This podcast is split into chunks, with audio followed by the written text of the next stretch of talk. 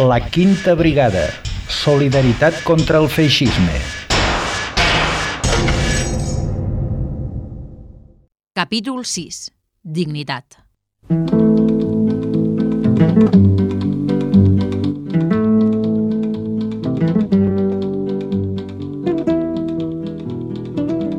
Ja sabem del cert com va morir William Dix. Bromejant amb un altre soldat, es va apuntar al cap i es va disparar sense voler. Desconeixia la particularitat de la pistola que duia.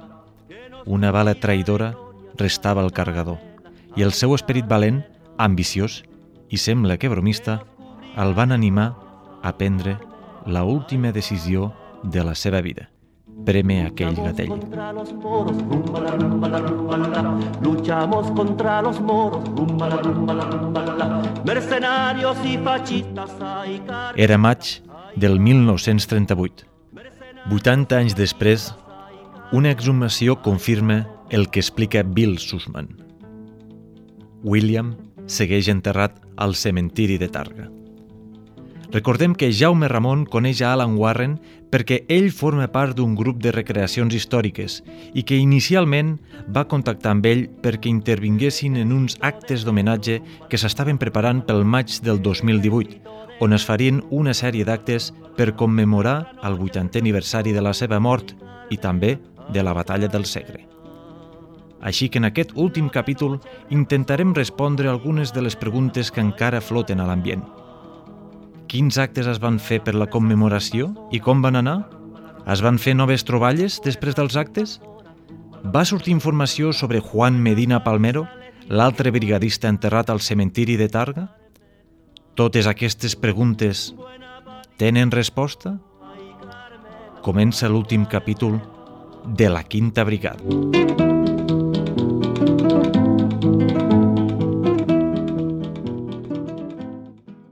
Viva la quinta brigada, the pledge to make them fight. And stay join the battle, they're never gonna Tot lo bo s'acaba, però encara queda aquest capítol, l'últim episodi de la Quinta Brigada. Hi ha moltes coses per explicar. A veure si ens dona temps. no passarà. De gener a maig s'acaben de preparar tots els actes que es celebren al cap de setmana del 26 i 27 de maig del 2018, sota el lema 80è aniversari de la Batalla del Segre. El que s'entén com a batalla del Segre és tota la sèrie de combats que hi va haver al, al, al, a l'ofensiva que van fer els franquistes que les forces de la República estaven situades a la zona de, de, de Casp, estaven a, Casp, els altres estaven a, a, a, la, a, la capital Osca, a, estaven, a, estaven situades allí, hi va una ofensiva i aquesta ofensiva es va, es va materialitzar a finals de març del 38. I amb aquesta ofensiva els republicans van recular, sent el front, la, la, el, la frontera entre unes forces i altres, el riu Noguera Pallaresa, el Segre i l'Ebre, eh? eh? com si, imagina't, una línia que la conformen tot, tots aquests rius. I aquí es van, es van parar, no sabem si es van parar perquè alguns militars acon- aconsellaven al Franco de que continués, pel que fos, per refés, o, o perquè tàcticament va considerar que s'havia d'esperar. Pel que fos, es, es paren aquí. La gran batalla que ens ve al cap quan parlem de la Guerra Civil és la de l'Ebre. Per què la del Segre no és tan coneguda? Són combats que són més curts, per això mm, no se li dona la importància que es dona a la batalla de l'Ebre, perquè, com veus, són combats de, de 3 o 4 dies, una setmana, eh, el, el, aquí el cap de pont és una setmana i després el que va haver l'abril, doncs, 3 o 4 dies més, i són, no són, són combats, diguéssim, molt intensos, però no tenen la durada ni, la, ni intervenen tantes forces com intervendran allà. Dir també doncs, de que en aquestes ofensives, per exemple en aquesta del Camp de Pont, se calcula que en una setmana aproximadament van morir uns, uns 3.500 soldats. Eh? Es considera que la batalla, o les batalles del Segre, van començar a final de març i l'ofensiva final comença a les vigílies de Nadal. La batalla del Segre s'acaba el, el 23 de desembre, el 23 de desembre que fan ja una ofensiva general, ja tenen situats els millors exèrcits de del, del Franco, estan tots situats aquí a, a, a aquesta línia divisòria que formen els rius, preparats per ocupar Catalunya. Malgrat tot, van avançar per aquí, eh, diguéssim, pel nord de Cubells i atacant cap a la ribera del Sió, van trobar més resistència de de de l'esperada, perquè Targa mateix no va caure fins al dia 15 de gener. 15 dies i 7 o 8 dies de de l'altre mes és moltíssim temps per agafar un, un tros de terreny molt, molt, molt petit. El, el general Dávila, que era el jefe de l'exèrcit del nord, que, que, que englobava aquests exèrcits que he dit abans, va rebre una reprimenda, segons diuen oficials mateixos del Franco, del general Franco, perquè això no avançava. Finalment,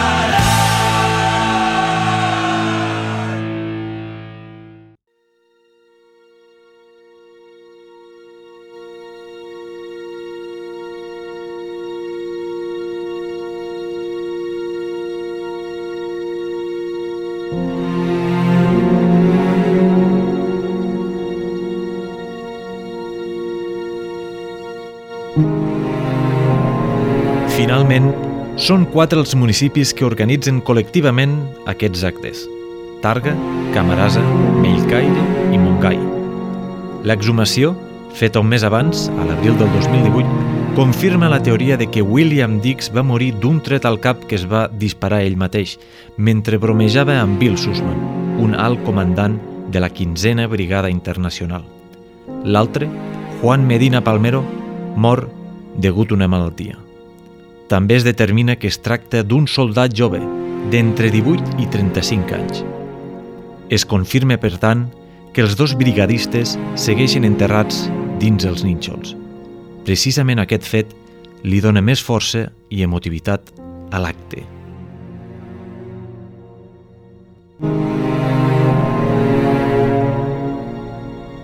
S'ultimen tots els detalls pels actes del 80è aniversari. Els explica el Cesc Sarri.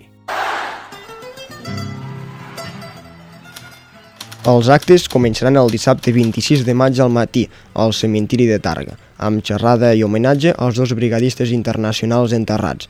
Tot seguit es faran dues visites guiades, una al Museu de la Guerra Civil de Miquel Aresté i després al Museu Cal Trepat, antiga fàbrica de material bèl·lic. A la tarda serà el torn de Camarasa, a més d'una visita guiada per les trinxeres del Merengue, escenari on s'hi van viure unes batalles ferotges. També està previst fer-hi al mateix lloc un homenatge a la lleva del biberó. El diumenge es faran actes a Bellcaire i Montgai, on s'hi visitaran també les trinxeres dels Tossals i la Font Amarga. També s'organitzarà un concert amb el grup Brigada Intergeneracional i la projecció del documental El merengue i la lleva del biberó. El d'avui és l'últim capítol. També és l'última vegada que la Carolina TV ens explica curiositats sobre una cançó. Si me quieres escribir, ya sabes mi paradero. Si me quieres escribir, Si me quieres escribir és una altra cançó inspirada en la batalla de l'Ebre. La lletra parla d'una tercera brigada mixta, la qual, cal aclarir, que no era cap brigada internacional. L'adjectiu de mixta no significa que fos formada per homes i dones, sinó diferents unitats de combat.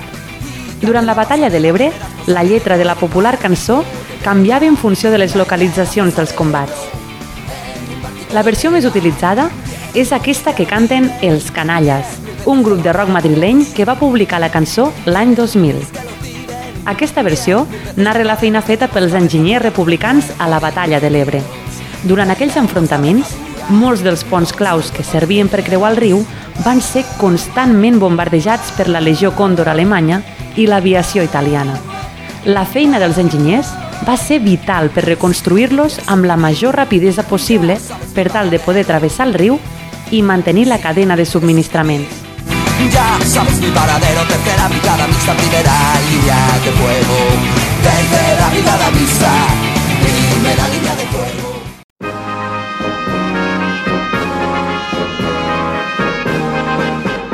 És un dia ennuvolat de maig, d'aquells que no saps si acabarà caient un xàfec o sortirà el sol en pocs minuts. L'ambient que es respira al cementiri, a dos quarts d'onze, és una barreja de moltes emocions. Per una banda, es commemora l'aniversari d'uns actes que es van dur a terme a la ciutat justament aquells dies, però fa 80 anys. D'igual forma, culmina un projecte en el que diferents persones han unit esforços, il·lusions i moltes hores d'investigació, totes amb un interès comú, carregat de justícia i honestedat, dur a terme un acte de dignificació i memòria històrica. També es nota l'ambient l'oxímoron que representa el fet de fer un acte reivindicatiu i de celebració en un cementiri. L'espai no transmet vibracions positives, però sí que desprèn l'aire de solemnitat que demana l'ocasió. El fet de ser a un cementiri aporta un respecte que tothom s'autoimposa i que fa donar més vigorositat a un acte on s'hi apropen prop de 300 persones. Els primers en arribar són alguns dels protagonistes, molt abans de l'hora de l'inici dels actes. S'hi reuneixen els diferents historiadors que havien aportat el seu gra de sorra en aquesta història i que intervindran amb una breu xerrada durant l'acte.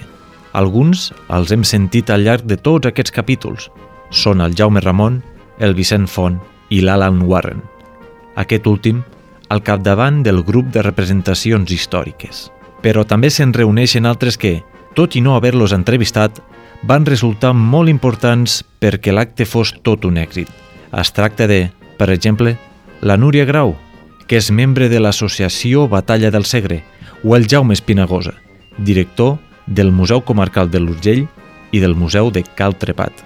Més tard, arriben representants de l'Ajuntament i membres de l'agrupament Escolta de Targa, que ajudaran amb l'organització dels actes. Al cementiri també hi ha una càmera i un equip d'enregistrament, ja que es va decidir fer un documental audiovisual d'aquesta història.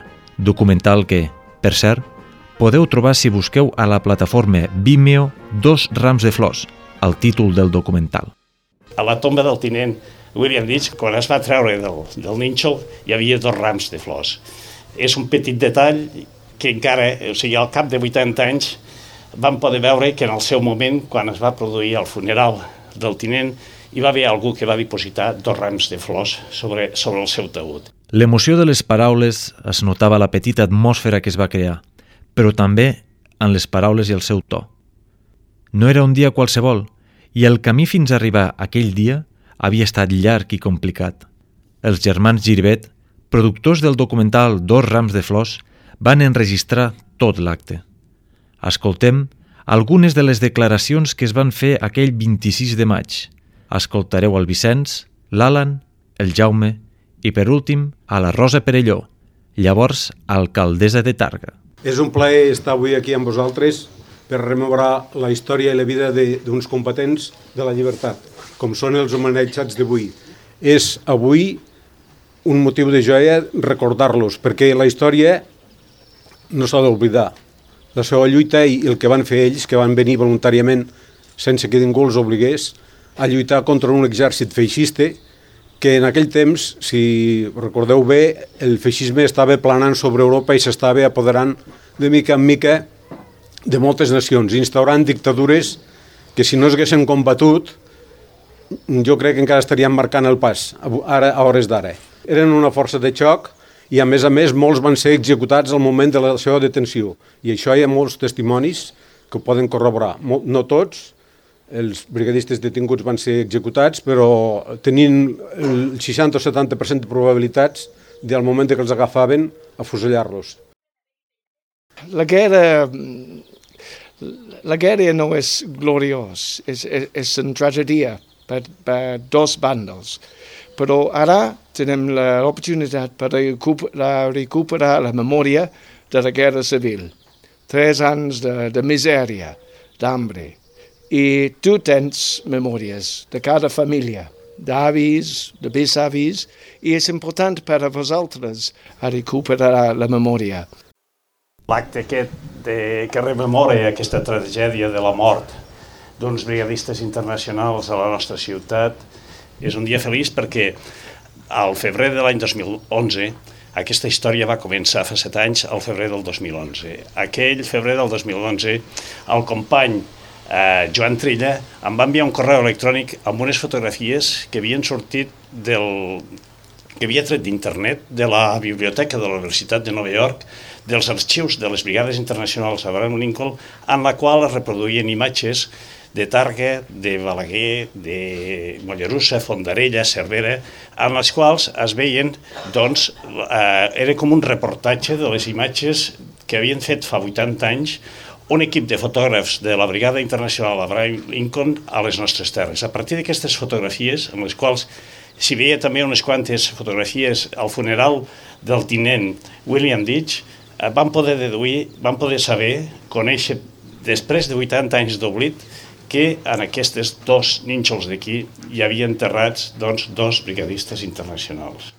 Va ser gràcies a aquestes, a aquestes imatges ja fa set anys que van poder anar estirant el fil, llavors els registres del cementiri, a l'arxiu, eh, cròniques que determinats brigadistes doncs, que van anar descobrint llibres diaris vam descobrir que sí, que havien estat en aquestes comarques al maig del 1938 durant l'ofensiva que va haver al camp de Pont de Balaguer de la Guerra Civil i de tota la batalla del Segre que aquests, avui i demà doncs, eh, commemorem aquest, aquest 80è aniversari d'Espanyol.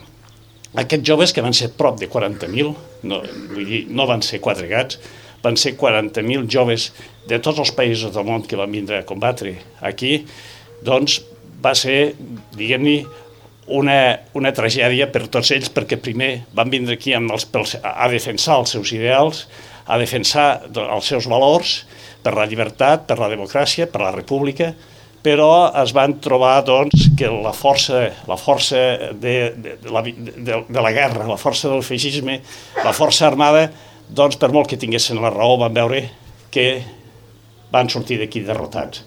Van sortir derrotats, però a part de que sortissin derrotats i potser desanimats, el que no van perdre mai tota aquesta gent, com deia també l'Alan, és la seva, la seva esperança. I és el que mai poden perdre. Mai poden perdre l'esperança, ningú se la pot prendre, com amb ells tampoc els hi van prendre l'esperança. Un acte que té una vessant, jo penso que molt emotiva. Ho comentaven els que m'han precedit en la paraula, que molts hem viscut una mica més de prop o de lluny, doncs si coneixem la història viscuda per tantes famílies, la història d'aquests brigadistes internacionals que podem conèixer amb més o menys intensitat però que tenim la consciència del que eren i del que defensaven i com la història al cap de 80 anys encara existeix aquell sentiment de que encara som per lluitar encara per moltes llibertats de les que es defensaven 80 anys enrere. És un acte de justícia el que fem avui, un acte de record. Quan m'explicaven doncs, des del museu com havia anat la, la inhumació del, de les, dels nínxols del, del cementiri, la veritat és que se't posa una mica la pell de gallina. Eren dues persones molt joves, n'hi ha un que potser avui tindria 99 anys, no? tenia 18 anys o 20 anys, avui encara podria ser eh, en, en l'àmbit de la... avui encara podria ser viu entre nosaltres, tenim gent centenària i com 80 anys després la ciutat de Targa fa els homenatges, els recorde, perquè les casualitats de la vida van ser, va fer que es morissin, morissin aquí a la nostra ciutat. I com deia, al seu moment doncs, també se'ls va, se va reconèixer i se'ls va fer un enterrament, doncs, el símbol de les flors és més que, més que digne. Durant l'acte, també ens vam recordar d'aquells que els hagués agradat venir, però no van poder. I l'altra cosa relacionada amb la, amb la Conselleria de Relacions Institucionals és per recordar que avui probablement estaria aquí entre nosaltres el conseller Raül Romeva. I aquest conseller i el nostre conseller, el nostre legítim conseller, no pot ser avui entre nosaltres. Que una persona d'uns valors eh, humans, polítics, socials i que ha estat sempre al servei de la pau, de la llibertat i de la memòria històrica amb el Memorial Democràtic amb totes aquestes, amb totes aquestes, amb tots aquests valors que representa, estigui avui a la presó al nostre país, a casa nostra, és una justícia que hem de combatre, com ells van combatre també la injustícia del feixisme, i és el nostre deure sortir al carrer perquè fins que ells no siguin lliures, nosaltres no siguem lliures. Gràcies.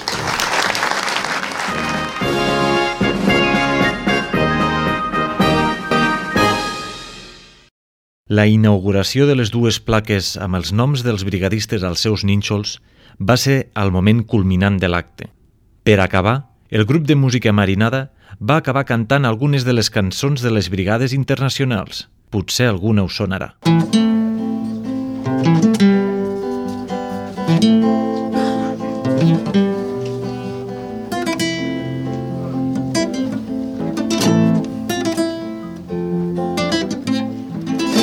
Viva la quinta brigada, rumba la rumba la rumba la. Viva la quinta brigada, rumba la rumba la rumba la. Que nos cubrirá de gloria, ay Carmela, ay Carmela. Que nos cubrirá de gloria, ay Carmela, ay Carmela.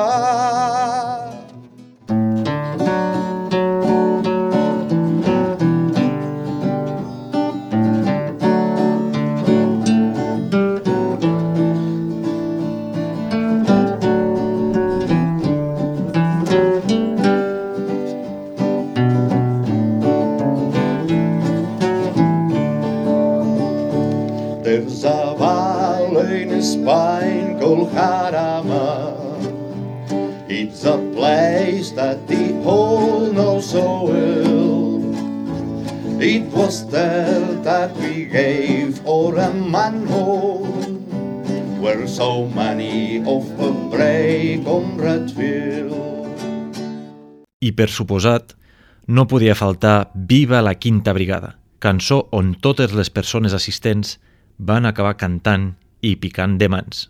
Viva la quinta brigada. No pasarán de place that might them fight Adelante is the cry on the outside Let us remember them tonight. Viva la quinta brigada Let us remember them tonight Viva la quinta brigada. Una altra cosa no ho sabem, però estem segurs que les cançons que heu escoltat en aquest programa no us les podreu treure del cap durant alguns dies. Moltes gràcies. La quinta brigada arriba al final, però això no vol dir que sigui el final d'aquesta història. Queden moltes preguntes per respondre i, qui sap, si alguns testimonis o alguns documents que actualment resten en l'oblit algun dia veuen la llum i ens fan avançar més. I què n'aprenem de tot plegat? És una, una època que ens sembla llunyana en el temps, però mm, per la història 84 anys eh, són molt poc. I a més a més ens van influir ens van, i ens van marcar una mica a tots, a totes les generacions que van vindre després també. Per tant, creiem que és important de, de que tot això es, es conegui com més bé millor. L'acte que es va fer al cementiri eh, és un dels actes més multitudinaris que s'ha fet aquí a Catalunya per, eh, per les brigades internacionals. Eh? Per, eh, S'ha fet també alguna cosa, evidentment, allà a l'Ebre, però eh, hi havia, vam cal calcular que hi havia més de 300 persones al cementiri a l'acte. Eh? Vull dir, I ara ja és una cosa que eh, la majoria dels que ho van viure ja no hi són. Ara són els mateixos nets els que estan interessats en el que va passar, el que volen saber el seu padrí, on va morir, per què va morir. Això, si, si, si mires a la xarxa que hi ha de, de gent que busca desapareguts i d'això, eh, és sorprenedor perquè que hi ha moltíssims casos eh, i denúncies de gent que, que van matar familiars seus, però ja dic, és l'altra la, la, generació i això ens dona a entendre doncs, de que hi continua havent molt interès i que la gent de totes maneres vol saber més coses de les que, va, de, de les que sap pel que va passar. Diferents persones uh, en cada poble que, que tens memòries orals, uh, memòries de família, i per mi és molt important per a, per a persones a entendre la, la història, no a repetir la, la, la mateixa història. I ignorància és, és un desastre per a mi. Cada persona té una història i ara tenim la història de William Diggs, però crec que tenim molt, molt més històries sobre brigadistes aquí i també sobre espanyols i espanyoles, catalans i catalanes aquí, sobre experiències de família. És, és important a, a, a, a recuperar les memòries. Potser ara és, és més tard, no sé i hi ha molta història desconeguda. Hi ha tot el patrimoni de les línies defensives que travessaven la L2, travessava Catalunya des d'Andorra fins a baix a Cambrils, que per les nostres contrades hi ha molts búnkers. A vegades és tot un patrimoni que cal preservar i caldria eh, musealitzar i que caldria doncs, fer-lo visitable i recuperar-lo. Però bé, hi ha moltes coses a fer, hi ha molta feina a fer i hi ha moltes, moltíssimes, moltíssimes històries. Mig termini hauria de eh, acabar realitzant-se el somni, el projecte, la idea d'un museu de la batalla del Segre. Cal que recordem la batalla del Segre aquí a les nostres terres, pel que deia al principi, per memòria històrica, perquè no es poden oblidar les coses. Aquí va haver un, una batalla que va durar nou mesos, des de l'abril del 1938 fins al gener del 39, en el qual hi va haver prop de 300.000 persones aquí amb aquest front, soldats concentrats en reserva, cunyers, hospitals, i oi, tot una maquinària, tot una, tot una maquinària mm, de guerra que, que, que s'hi va estar a temps i que pràcticament ni jo mateix fa 10 anys sabia que havia existit, no? O sigui, i, i això que és, em considero una persona mm, interessada per la història, no? Clar, això és hi ha tota una part de la nostra història completament des, desconeguda i si no es fa a través d'accions i que institucionalitzant aquest, aquests, aquest, aquests fets, com ara seria aquest museu de la batalla del Segre, que aprofités tota aquesta magnífica col·lecció que té el senyor Aresté, que aprofités aquestes petites històries que anem descobrint. Això és el que cal avançar, que, que hi ha molta història de la guerra desconeguda al nostre voltant, es va callar per por, per les circumstàncies, estava prohibit parlar de la guerra, o sigui, quan parlava de la guerra i deien calla nen, i, o quan els grans en parlaven entre ells, deien calleu que hi ha canalla, o sigui, aquesta, aquesta situació no sé, jo l'he viscuda, no? I com jo, tothom, tothom, tothom diu el mateix. De la guerra no se'n parla. De la guerra no se'n parlava. Però se n'ha de parlar. I aquí hem parlat sobre la gran història dels brigadistes internacionals i el seu pas per Targa. Del tinent William Mitchell Dix, a qui des d'aquí hem transformat amb l'element central d'aquesta història, en sabem moltes coses. Però en desconeixem moltes més. No ha sigut possible localitzar el seu origen ni els seus familiars.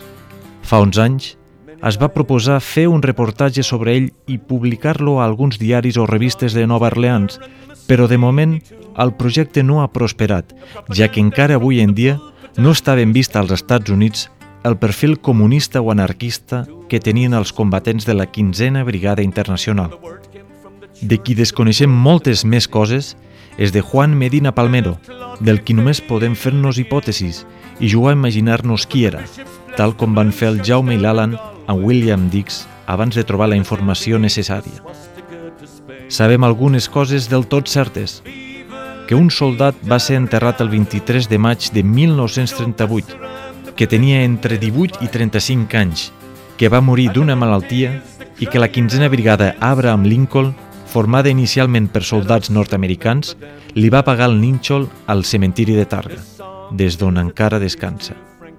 No podem fer més que preguntes i especulacions. Per què al seu enterrament no li van fer cap fotografia? Potser perquè el rang de William Dix era molt més elevat i era més conegut? Per què la quinzena brigada li va pagar el nínxol? Potser perquè formava part activa del batalló? Potser perquè els va sobtar la mort d'una persona tan jove? Potser per la fatal jugada que li va jugar el destí? És a dir, morir d'una malaltia al mig d'una guerra? Potser havia fet algun acte heroic? I per què no va acabar enterrat a una fosa comuna, com la majoria de morts d'aquella època? D'on era Juan Medina Palmero? Sabem del cert que no era nord-americà, ja que, a part de que els cognoms el delaten, no consta en cap arxiu de la quinzena brigada. Era provinent d'algun país sud-americà? O potser era un soldat espanyol? I ja posats a fer teories rocambolesques, es deia realment Juan Medina Palmero? O per algun motiu el van enterrar amb un nom fals per protegir-lo de vés a saber què? En definitiva, qui està enterrat i per què al costat del tinent William Mitchell Dick? Let us remember them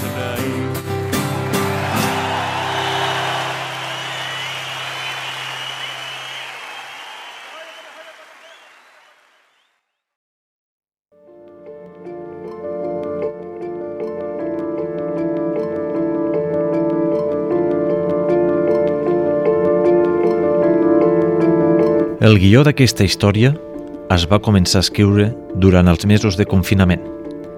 Va ser durant aquella època d'aïllament físic i social que em va donar per rescatar la famosa història dels brigadistes internacionals. Per dos motius, sobretot. Primer, que va ser una història que em va anar captivant a mesura que avançaven els descobriments. Segon, perquè sempre vaig pensar que aquella era una història que no calia afegir-hi gaire pirotècnia com per escriure's i que captés l'atenció d'altres persones. Hi ha diferents coses que, per temps o per guió, no s'hi han pogut afegir. Altres, perquè algunes novetats sortien a mesura que avançava el guió, a temps real.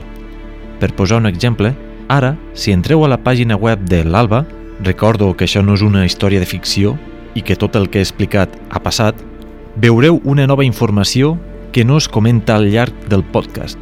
Consultant a la base de dades el nom de William Dix, i surt que, efectivament, va morir d'un tret al cap que es va fer ell mateix. Però Alexander Zurek, que és qui va escriure el fragment que està publicat avui en dia a la web de Alba, explica el com. Un com que, si bé no és incompatible amb el que diu Bill Sussman, no és ben bé el mateix.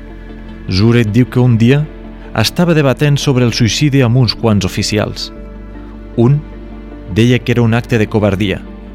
L'altre, que era un comportament impropi d'un comunista. De sobte, William Dix va aparèixer al mig de la conversa amb to burleta i realler. El suïcidi és molt simple. Sabeu com es fa? Poses la pistola sobre el cap i... En aquest punt, diferents oficials el van advertir. Vigila! La pistola podria estar carregada. Tot i els advertiments, ell va respondre rient. No està carregada. I de sobte, va premer el gallet i... Alexander Zurek no s'explica una mort tan estúpida com aquella. I més, per part d'un soldat ple de vida com era William Dix. Era extrovertit, sí, però també un molt bon oficial. Com pot ser que cometés aquest error? Zurek deixa una escletxa per pensar que, tot i que és altament improbable, allò podia haver estat realment un suïcidi. Per una cosa que ningú coneixia. Encara que el més probable era que hagués estat un tràgic i a la vegada estúpid accident. Qui sap si, d'aquí un temps, podem fer un altre capítol d'aquest podcast, una espècie d'epíleg, explicant que ja s'han trobat familiars de William Dix, o que finalment s'ha trobat informació al Gaspi sobre Medina Palmero, o que ha aparegut un altre brigadista enterrat al cementiri. Bé, en aquest cas, potser podríem fer un podcast sencer. En fi, esperem que us hagi agradat molt la història que m'ha explicat i que a partir d'avui sapigueu que, en aquest món, una vegada, hi va haver milers de joves que van fer un acte de solidaritat irrepetible. Van arriscar la seva vida per combatre el feixisme. Uns joves a qui mai, mai, mai oblidarem.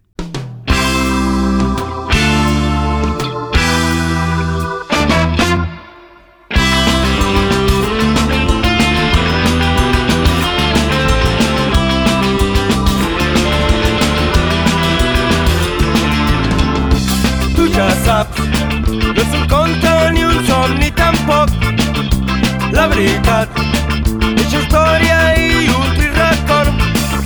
Milers de joves